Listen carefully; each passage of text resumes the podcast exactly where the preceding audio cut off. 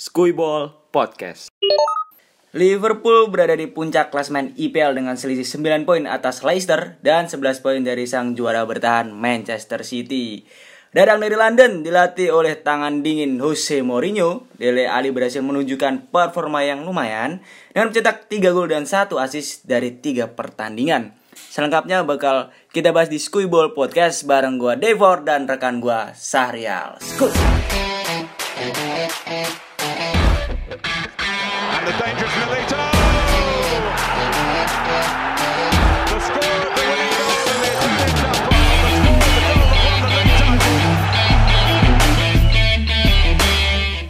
Oke bro, balik lagi di Skuyball Podcast episode 3 bareng gua lagi nih Sahrial dan temen gua Devor Ismanto lur. Oke boy. Gimana nih cupsnya?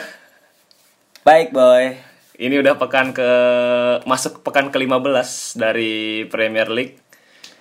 Kemarin tapi Liverpool masih di puncak klasemen perbandingannya kayak tahun lalu nih, jauh. 9 10 Agak jauh. agak jauh gitu. Terus belum ada yang cedera kayak tahun lalu kan Yoi. masih optimis Yoi. Su- bisa membawa gelar juara Premier League. 9 poin boy dari ya jauh lah 9 sama 11 apalagi City yang kemarin imbang kan itu bikin persaingan tuh agak Menurun gitu ya. menurun gitu malah Leicester nih yang lagi legit Nah, kemarin di pertandingan terakhir Liverpool tuh ada kartu merah, Bro, dari Alisson. ini. Alisson Ya. dapat kartu merah karena uh, handsball. eh, Iya. handsball di luar kotak Iya, penalti. handsball dari kotak luar penalti. Dan aneh eh, menariknya lagi nih, bukan aneh ya. Ah. Menariknya lagi nih, Virgil van Dijk nyetak 2 gol, Bro. jangan lupa yang ngasih siapa Trent Arnold Iya. dua asis dari Eh, direct football berjalan dengan baik, boy. Ya, emang umpan dari Arnold ini gila sih enak banget cuy. Kan golnya pertama itu kalau nggak salah dari sisi kanan ya. Tendangan Iya kan, bebas. ah tendangan bebas Arnold. Terus yang kedua kan dari corner di kiri. Di pas di kepalanya Van Dijk. Enak banget. Itu juga cuma 6 menit. 6 menit si Van Dijk brace Si- syukur-syukur bisa cetak hat trick tapi ya pemain belakang ya Nah, ngomong-ngomongin soal Van Dijk nih. Yoi. Bentar lagi bakalan ada pemilihan Ballon d'Or. Yoi, bener Ballon banget. d'Or. An- Ah, nominasinya tiga ya udah dipilih tiga ya ah, sudah dipilih, Messi, udah dipilih Messi, Van Dijk, Ronaldo nah Ronaldo tetap. Nah, prediksi lu kayak gimana nih? Soalnya kemarin gue denger-dengar tuh Van Dijk Hmm. sempet diwawancarain sama dari Champions League apa Premier League gitu. Hmm. Dia ngomong sebenarnya kalau kita lihat kita pokoknya dia ngomong kayak gini. Kalau gue disuruh milih siapa yang dapat Ballon d'Or, gue Hmm. pasti bakalan milih Messi. Soalnya dibandingin sama Ronaldo dan dibandingin sama gue sendiri, Messi itu jauh lebih hebat daripada kita berdua. gitu. ya. Dia pokoknya intinya dia ngomong kayak gitu, Nah, Ke- realistis ya. eh, realistis gitu. tapi kalau ngomongin secara permainan Ya. kan beda kan Van Dijk kan seorang Back, backs back dan tengah lagi. Messi di depan striker, Iya, second striker. striker play, play. jadi kalau dari segi permainan kan Ballon d'Or kan kebanyakan Iya, nah, kita- sejauh ini yang menang kan kebanyakan kan pemain, Pemain depan menyerang, pemain Ah. menyerang khususnya. Ah, kalau nggak salah terakhir yang eh, meraih Ballon d'Or posisi back itu. Fabio Cannavaro. Nggak tahu di tahun berapa. Nah. Ah, kalau Van Dijk ngomong kayak gini ya realistis emang bener kalau dia. Soalnya ah, dilihat dari tahun-tahun sebelumnya Ah. dan dari pattern Hmm. pem- peraih Ballon d'Or kan. Nah, itu kalau nggak pemain tengah ya, Ya, pasti pemain benar. depan gitu ya. Tapi kalau ngomongin gelar secara Liverpool meraih Misalnya Champions, Champions League, besok menang nih. ah. Eh eh kemarin Nggak. Champions League menang kan. Champions League kan kemarin menang. Ini kan poin plusnya Van Dijk kan itu. Ya Terus- tapi sal sayangnya aja nggak juara EPL nah itu sayangnya itu. Kalau juara Ah. ya kayaknya fi- 50% lah. Van Dijk tapi Kalau- ya, ya. Messi tetap alien, Bro. Tapi kalau menurut gua secara permainan dari segi mana pun ya Messi sih yang layak. Iya emang nah dari beberapa pertandingan ke belakang dari Barcelona nih, Ah, Messi itu selalu jadi superhero asli. iya, kemarin kan juga menang lawan ATM. Lawan Messi menang lawan. ATM asli golnya iya. kayal banget, Bro. Kayak cuma wall pass tek tek langsung di shooting Messi gol. Dia two sama Kayak Suarez, Superman. Ya, kalau Penyelamat kalau nggak anjir kalau nggak ada Messi Valverde udah out dari dulu. Iya, Barcelona tuh cuma Messi doang. Kalau- Barcelona is Eh, all about Messi ya. Iya. Kalau nggak ada Messi, lah Kalau ya, kita lihat tiga, empat, lima tahun ke depan Barcelona kayak bakalan kayak gimana? kalau Ronaldo ya peramai aja sih. Kan Ya, kalau iya. nggak ada Messi, kalau nggak ada Ronaldo gimana kurang kurs, gitu. gitu, kurs. Karena ada Messi harus ada Ronaldo Nah, gitu. Jadi, kurs. Soalnya ini apa namanya? Dekade Iya, ini dekade ke dari keemasan mereka. 10 tahun ini kan ya ini tak mereka Nah, 10 tahun ini kan Sepuluh- Ronaldo tapi ke- dulu ada loh yang menyelip Ballon d'Or satu Ya, Monti- Ricardo Kakak boy jangan Manusia. lupa Ricardo Kakak manusia kayal 2008 loh Ricardo manusia Kakak pertama yang berhasil ngeraih Ballon d'Or. di tengah-tengah era Messi sama Ronaldo Jangan lupa Modric kan juga pernah. ya kan tapi ini udah meredu Yoi. itu dulu baru up loh Yoi. Messi Ronaldo baru up gitu set Ricardo Kakak kepilih Ballon d'Or tapi Kakak juga dulu Ya, khayal juga emang sih kan dia juga gelandang serang yang iya jago nyetak gol, jago ngasis, ya udah sih. Lengkap Ya, lah. ah. Nah, se- eh, kita lanjut aja. Udah-udah balas Ballon d'Or-nya. Premier League juga udah ya gitu-gitu aja dari minggu ke minggu Yoi, gitu. boy. MU tetap kalau nggak seri ya kalah. Arsenal juga Arsenal gitu. ya gitu. Udah mecat pelatih, Mencat tapi pelatih tapi kan yang ngambil yang jadi caretakernya juga Iya. ya gitu, boy. BTW ini Arsenal Nah, dari siapa nih? ah kalau Arsenal kalau menurut lu Pochettino bisa masuk Arsenal nggak? Enggak. Gak bisa sih. Kan secara kemarin, eh, rival kualitas- abadinya Ya, Tottenham London. Hotspur itu kan Arsenal. Ya. Pochettino pindah ke Arsenal, waduh, bangsat ini berarti. Gak bakal. Paling ya ada Opsinya, opsinya. Opsinya sih yang lagi nganggur si Kovac mantan pelatihnya Munchen itu bisa sih. Bisa. Sama mantan Tapi pelatih. emang eh ini siapa siapa siapa lagi? Pellegrini, Pellegrini. Ini juga gua Eh, kok Pellegrini? Siapa sih mantan pelatihnya Juventus? Aduh, lupa. Ya itu pokoknya. terus ini juga yang man siapa mantan pelatih Mana-mana. Eh, yang punya pokoknya punya channel dulu sama pemiliknya Arsenal gitu ada gitu pelatih liga liga Italia gitu Soka boy. lupa gua namanya Kalau dari gosip-gosipnya itu mantan pelatih Juventus. kalau nggak bayar gitu ya Ah, kalau enggak mantan pelatihnya Bayern. Ada juga Brendan Rodgers. Nah, Arsenal pengen narik Brendan Rodgers Nah. dengan gaji berapa gitu. Tapi banyak sih. tapi dari Sky Sport baru aja ngupload Brandon Rogers ngomong ke di kayak pers gitu Ah, Nah, tentang rumor kalau kepindahan gua dari Leicester City, dia ngomong kayak gitu. Set. Nah, gua sekarang berada di tengah-tengah klub yang bocah-bocahnya nih mau berkembang bareng gitu loh. Jadinya suasananya tuh udah kebentuk gitu loh. Kor jiwa korsanya udah kebentuk bareng-bareng set. Jadi eh kemung Ya, nggak mungkin lah dia ninggalin Iya situasi yang kayak gini. Secara Menurut juga gua performanya lagi performa top-topnya. Leicester juga lagi Berada tinggi di- jadi uh, anjir kemungkinannya kecil banget Nah. lah kalau nggak gara-gara duit ya Iya sih. gara-gara mungkin keluarganya diancam Nah, atau kayak gitu biasa bisa jadi kan Arsenal gitu-gitu aja sih ya. lagi musim boy sekarang lagi mecat-mecat pelatih itu ba- banyak banget loh Eh, kemarin siapa Di- nih ini yang rame kan pelatih? di kemarin Premier baru League kan. ah, di, di Premier League tuh rame, Korbannya udah dua. Premier League ada dua nih. Si Watford dari Ah, Watford Watford satu. Oh, tiga ding. Watford pecat. Habis itu si Satunya Emery pecat. Emery pecat. Pochettino pecat. Pochettino pecat. Ini Baru tiga. Gosipnya oleh out oleh out. Tapi nggak mungkin men kalau menurut gua ya sebagai fans MU ah tetap aja harusnya Ya oleh tapi out. seharusnya Ole out Ah. seharusnya. Tapi menurut gua enggak. Soalnya menurut gua ya role Ole itu penting banget di MU.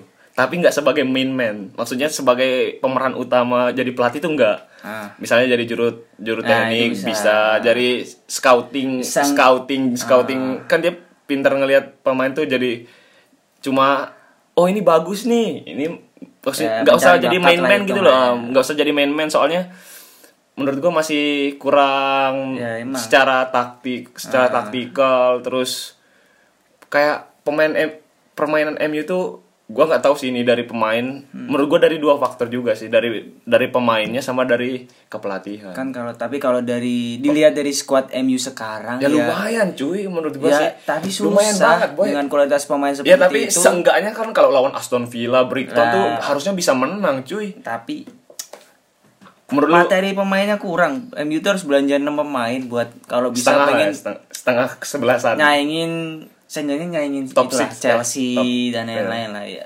Kalau kayak gini-gini aja mainnya gini, squadnya gini, pelatihnya juga oleh ya fans MU nggak usah terlalu berharap. 10 besar aja udah. Syukur-syukur ya. Iya. Seri aja ini, seri aja jadi menang. Ah, seri aja udah bahagia. seneng. Nah, abis itu kita yang kayak lu bilang tadi, boy.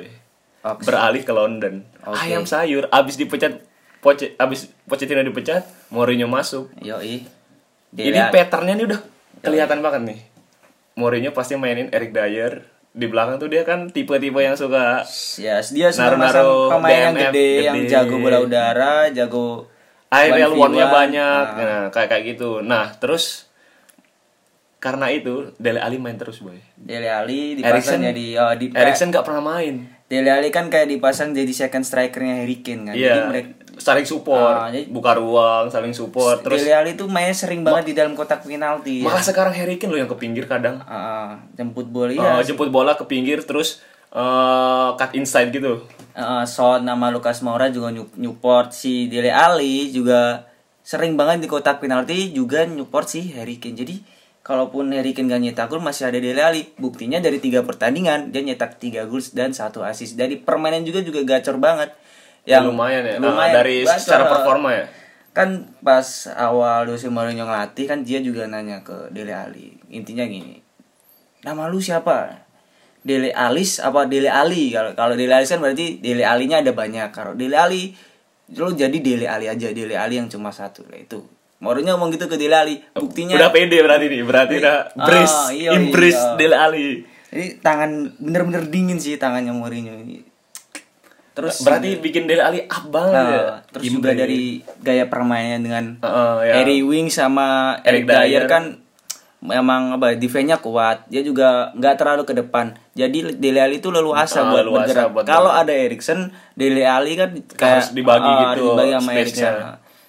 Nah, Secara tipikalnya dengan Erikson kan hampir sama attacking midfielder yang doyan nyetak gol, nyetak assist. Nah, tapi eh, dilihat dari hasil-hasil pertandingannya, Ah. Tottenham tuh sering banget Kecolongan kecolongan akhir. dulu, Ah, benar. kecolongan-kecolongan gitu. Udah kemarin kan sempat nyetak 3 gol dulu kan. Ah, ah, Pas terus- apa kemarin Nipel? Eh, West Ham apa Newcastle ya? Ah, Lupa gua. pokoknya mereka udah unggul 3 Ah, 0 terus kekejar kekejar 3 dua. 2. Itu pun golnya di menit 96 Ah. asli. Terus yang UCL mereka ketinggalan 2-0 Uh, dua kosong dua lawan Olympiakos, Ah. terus ditolongin Balbo. Ya itu Allah. baru akhirnya diajak makan-makan Iya ya. diajak makan-makan bareng. Ah. Thank you, thank you, thank you. Disalami semua. Thank you, thank you, thank you. itu menurut lo performa dari pertahanan Tottenham kayak gimana? Fokus sih sebenarnya. Kan gimana ya? Tottenham kan mainnya juga nggak terlalu menyerang, nggak terlalu bertahan. Kan Mourinho kan bukan tipikal pelatih yang bakal iya. ball position full. Tipe-tipe pelatih Portugal banget pokoknya. dia tuh yang penting menang lah intinya. Walaupun ugly win ya. Ah. Yang penting menang. Ya sama kayak MU dulu Ah. sih walaupun peringkat dua tapi nggak ngerasa bahagia gua Hmm. gitu nontonnya. Iya, bener. Mourinho, eh, jadi kebobolannya kan seringnya di menit akhir. Jadi ya, ap- apalagi juga bola mati kan. Kemarin Iya. kebobolan juga dari set piece berapa kali corner itu. Itu sih yang harusnya di benahin sama si Mourinho secara dia kan juga terkenal dengan menteri pertahanan kan. Pasti bakal diperbaikin sih. Apalagi backnya yang gede-gede Davidson Sanchez, Iya lumayan Vertonghen, juga. Eh, Ada- Alderweireld. nah itu ya menurut gua tapi udah tua semua sih itu lumayan. iya sih. Eh, jadinya yang mungkin eh, yang paling muda itu Davidson Sanchez. nah nanti mungkin kita lihat nih musim dingin Belanja ya. bakal belanja apa enggak? Per Ah, eh, kita- ini Le- Levi Ah. bakalan ngasih duit Ah, apa enggak? yang- lah pokoknya bakalan menarik lah. Lanjut topik selanjutnya nih kita eh, minggir dulu lah dari Premier League. Pindah Yoi. dulu set. Ya, terbang dulu set.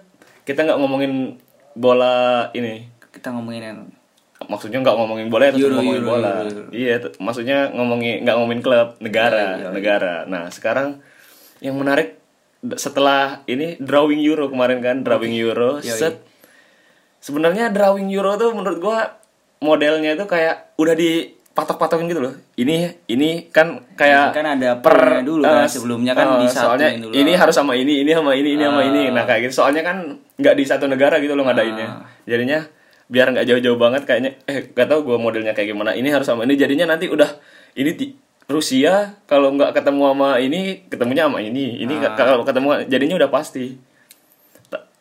Pilihannya cuma dikit gitu loh Ah. antara ketemu sama ini kalau nggak ketemu sama ini nah ya, tapi yang menarik itu walaupun eh, tipe drawingnya kayak gitu nih ada di grup F tuh ada asli menarik banget coy Iya. tim Tiga, ti- ah. tiga tim gede pemenang Piala Dunia 2014 Ada Portugal, ada Portugal. Prancis, ada Jerman. Portugal Euro 2016 Ah. 2018 pemenang Piala Dunia rame cuy kayaknya. rame, rame, rame. tapi nggak bisa lolos semua Ya ini seharusnya ini Se- tim-tim yang bisa lolos harusnya ini lolos grup semua semifinal. Semifinal ini bisa ini Portugal, Prancis, Jerman. kurang Belanda jadi, kayaknya ya. kurang Belanda doang Ini benar-benar grup F, namanya juga grup F. Di sono ya Portugal, Prancis, Jerman yang harusnya mereka jangan ketemu dulu biar kita bisa nonton mereka di semifinal atau balapan besar atau final. pokoknya lolos grup lah Lolos grup lah. Dan grup lainnya kan juga nggak terlalu ketat kan? iya makanya yang Ah. kadang besok tuh yang bikin ya, Ya, kurang ah, intens ah. permainan tuh Biasanya kan yang kalau- lolos posisi dua jadi runner up di grup yang lain gitu loh Biasanya kan kalau di Euro maupun Piala Dunia itu seenggaknya cuma ada dua tim yang apa ya? Dua tim yang yang bagus di satu grup. Jadi kalau nggak jadi juara grup ya runner up dua tim tersebut. Kalau sekarang kan berarti tiga tim terbaik ini yang satu harus Iya, out. Nah, makanya itu kalau antara ya. Jerman, Prancis, Portugal ada yang nggak lolos itu yang bikin kayak bukan bukan masalah sayang sayangnya sih tapi ya, ya ya emang sayang. Harusnya mereka tuh disebar. iya sih tapi permainannya itu loh bakal Ah. Ini pasti rebutan banget sih ini Iya, Asli. cuy. Anjir. Jadi ntar kita lihat di delapan besar. Kalau Ya, prediksi lu siapa yang lolos nih? Si- eh, juara grupnya siapa?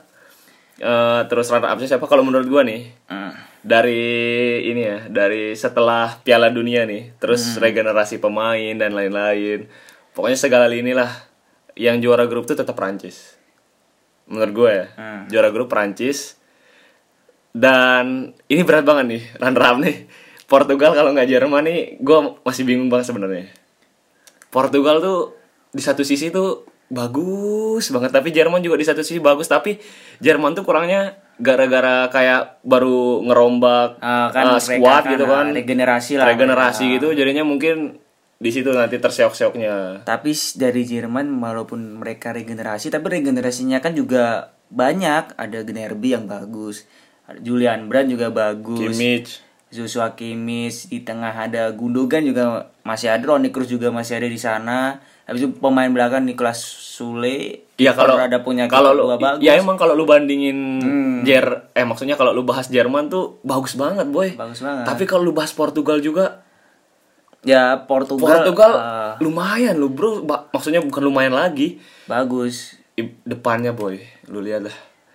Joe ada Joao Felix, ada Bernardo Ronaldo. Bernardo Tapi Silva, kalau Ronaldo. kita ngomongin di tahun 2020 Ronaldo usianya udah 35 tahun, boy. Ya, tapi otomatis se- se- kalaupun enggak kalau dari permainannya Portugal kan mereka bener-bener ngandelin seorang Cristiano Ronaldo. Iya, Bernardo suplai bola ke Ronaldo. Ronaldo. Ya, tapi kan menurut gua Ronaldo tuh bukan cuma sekedar ini doang yang kayak lu bilang. Ah ya sih. tuh- Bisa anjir men men mamba mentalitinya Ah, itu bener. loh. Kalau dia di bench aja udah bikin temennya pede gitu loh. Wah anjir gua punya Ronaldo nih backupan gua gede misalnya kayak lu ngegeng gitu loh. Ah, bener. Itu bedanya cuy. Terus, menurut gua uh, itu Nah, ini bedanya sama Jerman. Jerman kan permajaan squad. squad, nih. Nah, Kedalaman squadnya bagus. mentalnya belum terbentuk gitu loh maksud gua. Soalnya ini kan eh, ajangnya ajak Euro, Euro gitu loh. Gede acara ajang besar. Terus Portugal juga skuadnya kan nggak terlalu berubah sama yang, yang Ah, kemarin kan. Nggak berubah. Nah, jadi menurut gua nah ini gua masih bingung juga. Kalau dari menurut gua tetap sih Prancis Jerman. Prancis Jerman. Prancis Jerman kalau gua. Dari Prancis Nah, kenapa kita. Portugal nggak lolos? Portugal lolos ya itu. Ronaldo usianya udah 35 tahun kalaupun si pelatihnya siapa lupa namanya kalau dia masih ngan- dengan permainannya yang monoton dengan Ronaldo nyari Main-mainnya Ronaldo, Ronaldo. Ronaldo terus ya tetap gak bisa secara di apa ya di kualifikasi kan juga Portugal hanya jadi runner up mereka kalah lawan Ukraina dan dari segi permainan juga monoton kayak gitu mereka punya Bernardo mereka punya Joe Felix Bruno Fernandes tapi tetap aja mereka yang Nggak dicari angkat tetap lah ya. yang dicari tetap Ronaldo, Ronaldo. Ronaldo. Nah, kecuali mereka punya dari segi gelandang kan cuma Bruno Fernandes kan yang ya lu yang yang, ah, oh, yang, yang kelas dunia lah. Yang lainnya Joe Moutinho juga Ya. bagus tapi nggak kelas dunia. Ada juga si siapa namanya? eh, ini Itu itu Ru- Ruben Neves, Nah. Ruben Neves di Wolf juga nggak terlalu ya bagus Ya, sih bagus, nggak tapi ya nggak standar. kelas ya, standar. Ba- bagus doang Bagus, sedangkan ya. di Euro Nggak itu kita kita butuh pemain yang berkelas dunia yang spesial yang keren dan bisa Nah. ini yang paling penting tuh walaupun lu bagus tak kalau lu nggak bisa menyesuaikan sama yang di negara lu Ah. juga susah boy makanya gue makanya gue gue masih bingung gitu loh antara Jerman kalau nggak. Portugal kita lihat aja besok iya. di tahun 2020 gak sabar nah lanjut nih kita eh, bahas tentang manajer yang baru dipecat Pochettino nih ini menurut Ya. gua hal yang menarik gitu loh dibahas ini pelatih keren men. Bawa Tot Tottenham lima setengah tahun ngelatih dari yang nggak Harry Kane tuh pemain yang B aja gitu. Loh Nah, dia siapa juga yang tahu Dele Erikson. Dele Ali nggak ada kan? Nah sampai sekarang men. Nah sekarang dia dipecat. Menurut lu dia bakal ke mana? Dia bakalan kalau menurut gua dia bakal off tahun ini.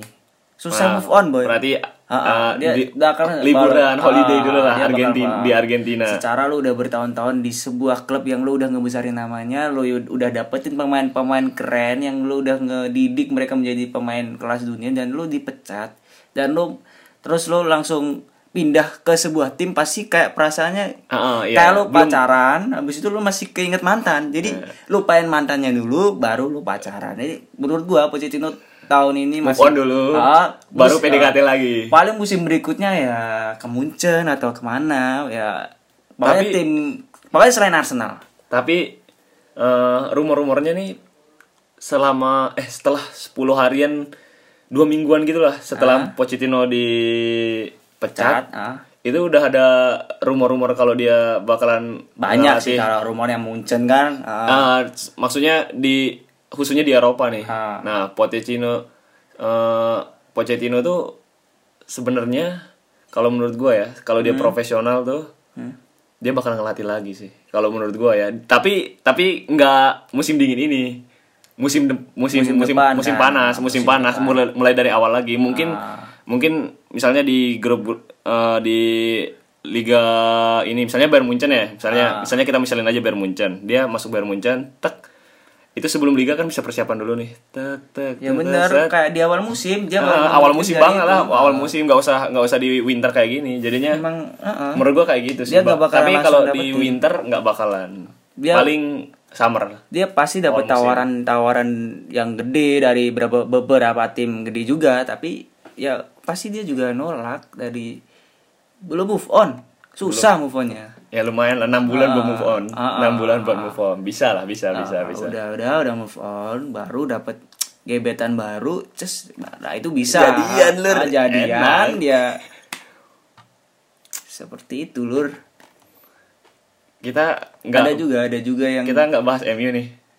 MU nggak MU nggak makan loh. Eh, MU tapi nggak ada yang mau dibahas. MU tuh kalau nggak kalah imbang. Kalau nggak kalah udah imbang. Kalah imbang kalah imbang menang ya habis menang Ugly win. menangnya sekali habis itu imbang imbang imbang kalah kemarin aja lawan ini boy lawan Ah, di Europa? League, ya, Europa League. League lawan itu kan yang main bocah semua boy Jesse Lingard golnya keren loh Jesse Lingard golnya keren loh Ah. Selebrasi boy selebrasi kapten tapi ya Ya kalau Anjir, emang kalah dilihat dari skuadnya dari yes yang main juga U19 U2 di- Nah, ya Chong, ah, Greenwood. ya Terus udah kalah Angel ya. Gomez. Ya, udah kalah ya udah. Ya udah Emang MU kan akademinya nggak terlalu bagus kan. nggak ada nama-nama yang mencolok gitu. Ya, ya udah lah ya. Ya udah, ya mau gimana ya. Nah, terus selanjutnya nih kita bakalan bahas eh nyinggung dikit doang transfer transfer window yang bentar lagi bakalan dibuka. Nah, yang menarik boy Bruno Fernandes perpanjang kontrak sama Sporting Lisbon. Padahal doi udah ya aduh Banyak gos- banget rumornya ya. Tahu-tahu dia perpanjang kontrak sama Sporting tuh. Sakit Ah, hati, ini boy. loyal. Ah, tapi- loyal. Sayang Nah, tapi banget sih sekelas dia ya, sekelas dia dengan di usianya kalau enggak 23 24 harusnya usia masih dia main di minimal top Liga 6 top, top lah. 6 Premier League lah.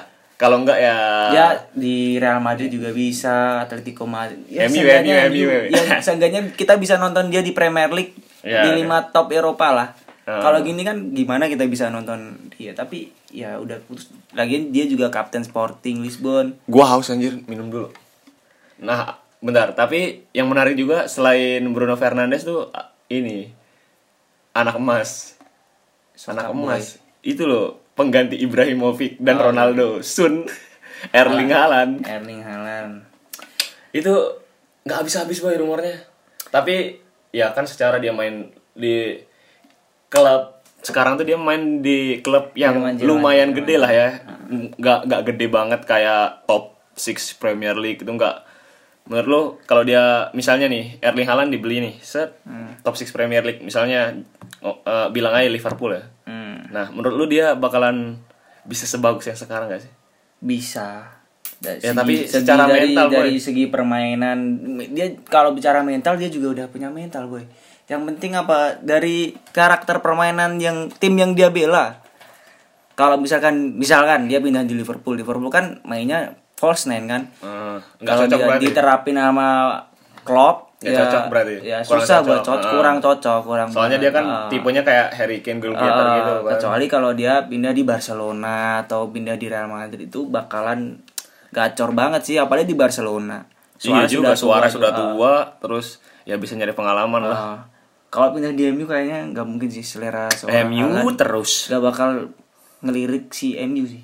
Walaupun Iya, rumor-rumornya soalnya, dia ah, nge-follow Twitter orang- nge-follow Instagram ya. Iya kemarin itu gua ngeliat juga itu rumor-rumornya. nah itu rumor-rumor apalah. MU lah gitu fansnya pasti.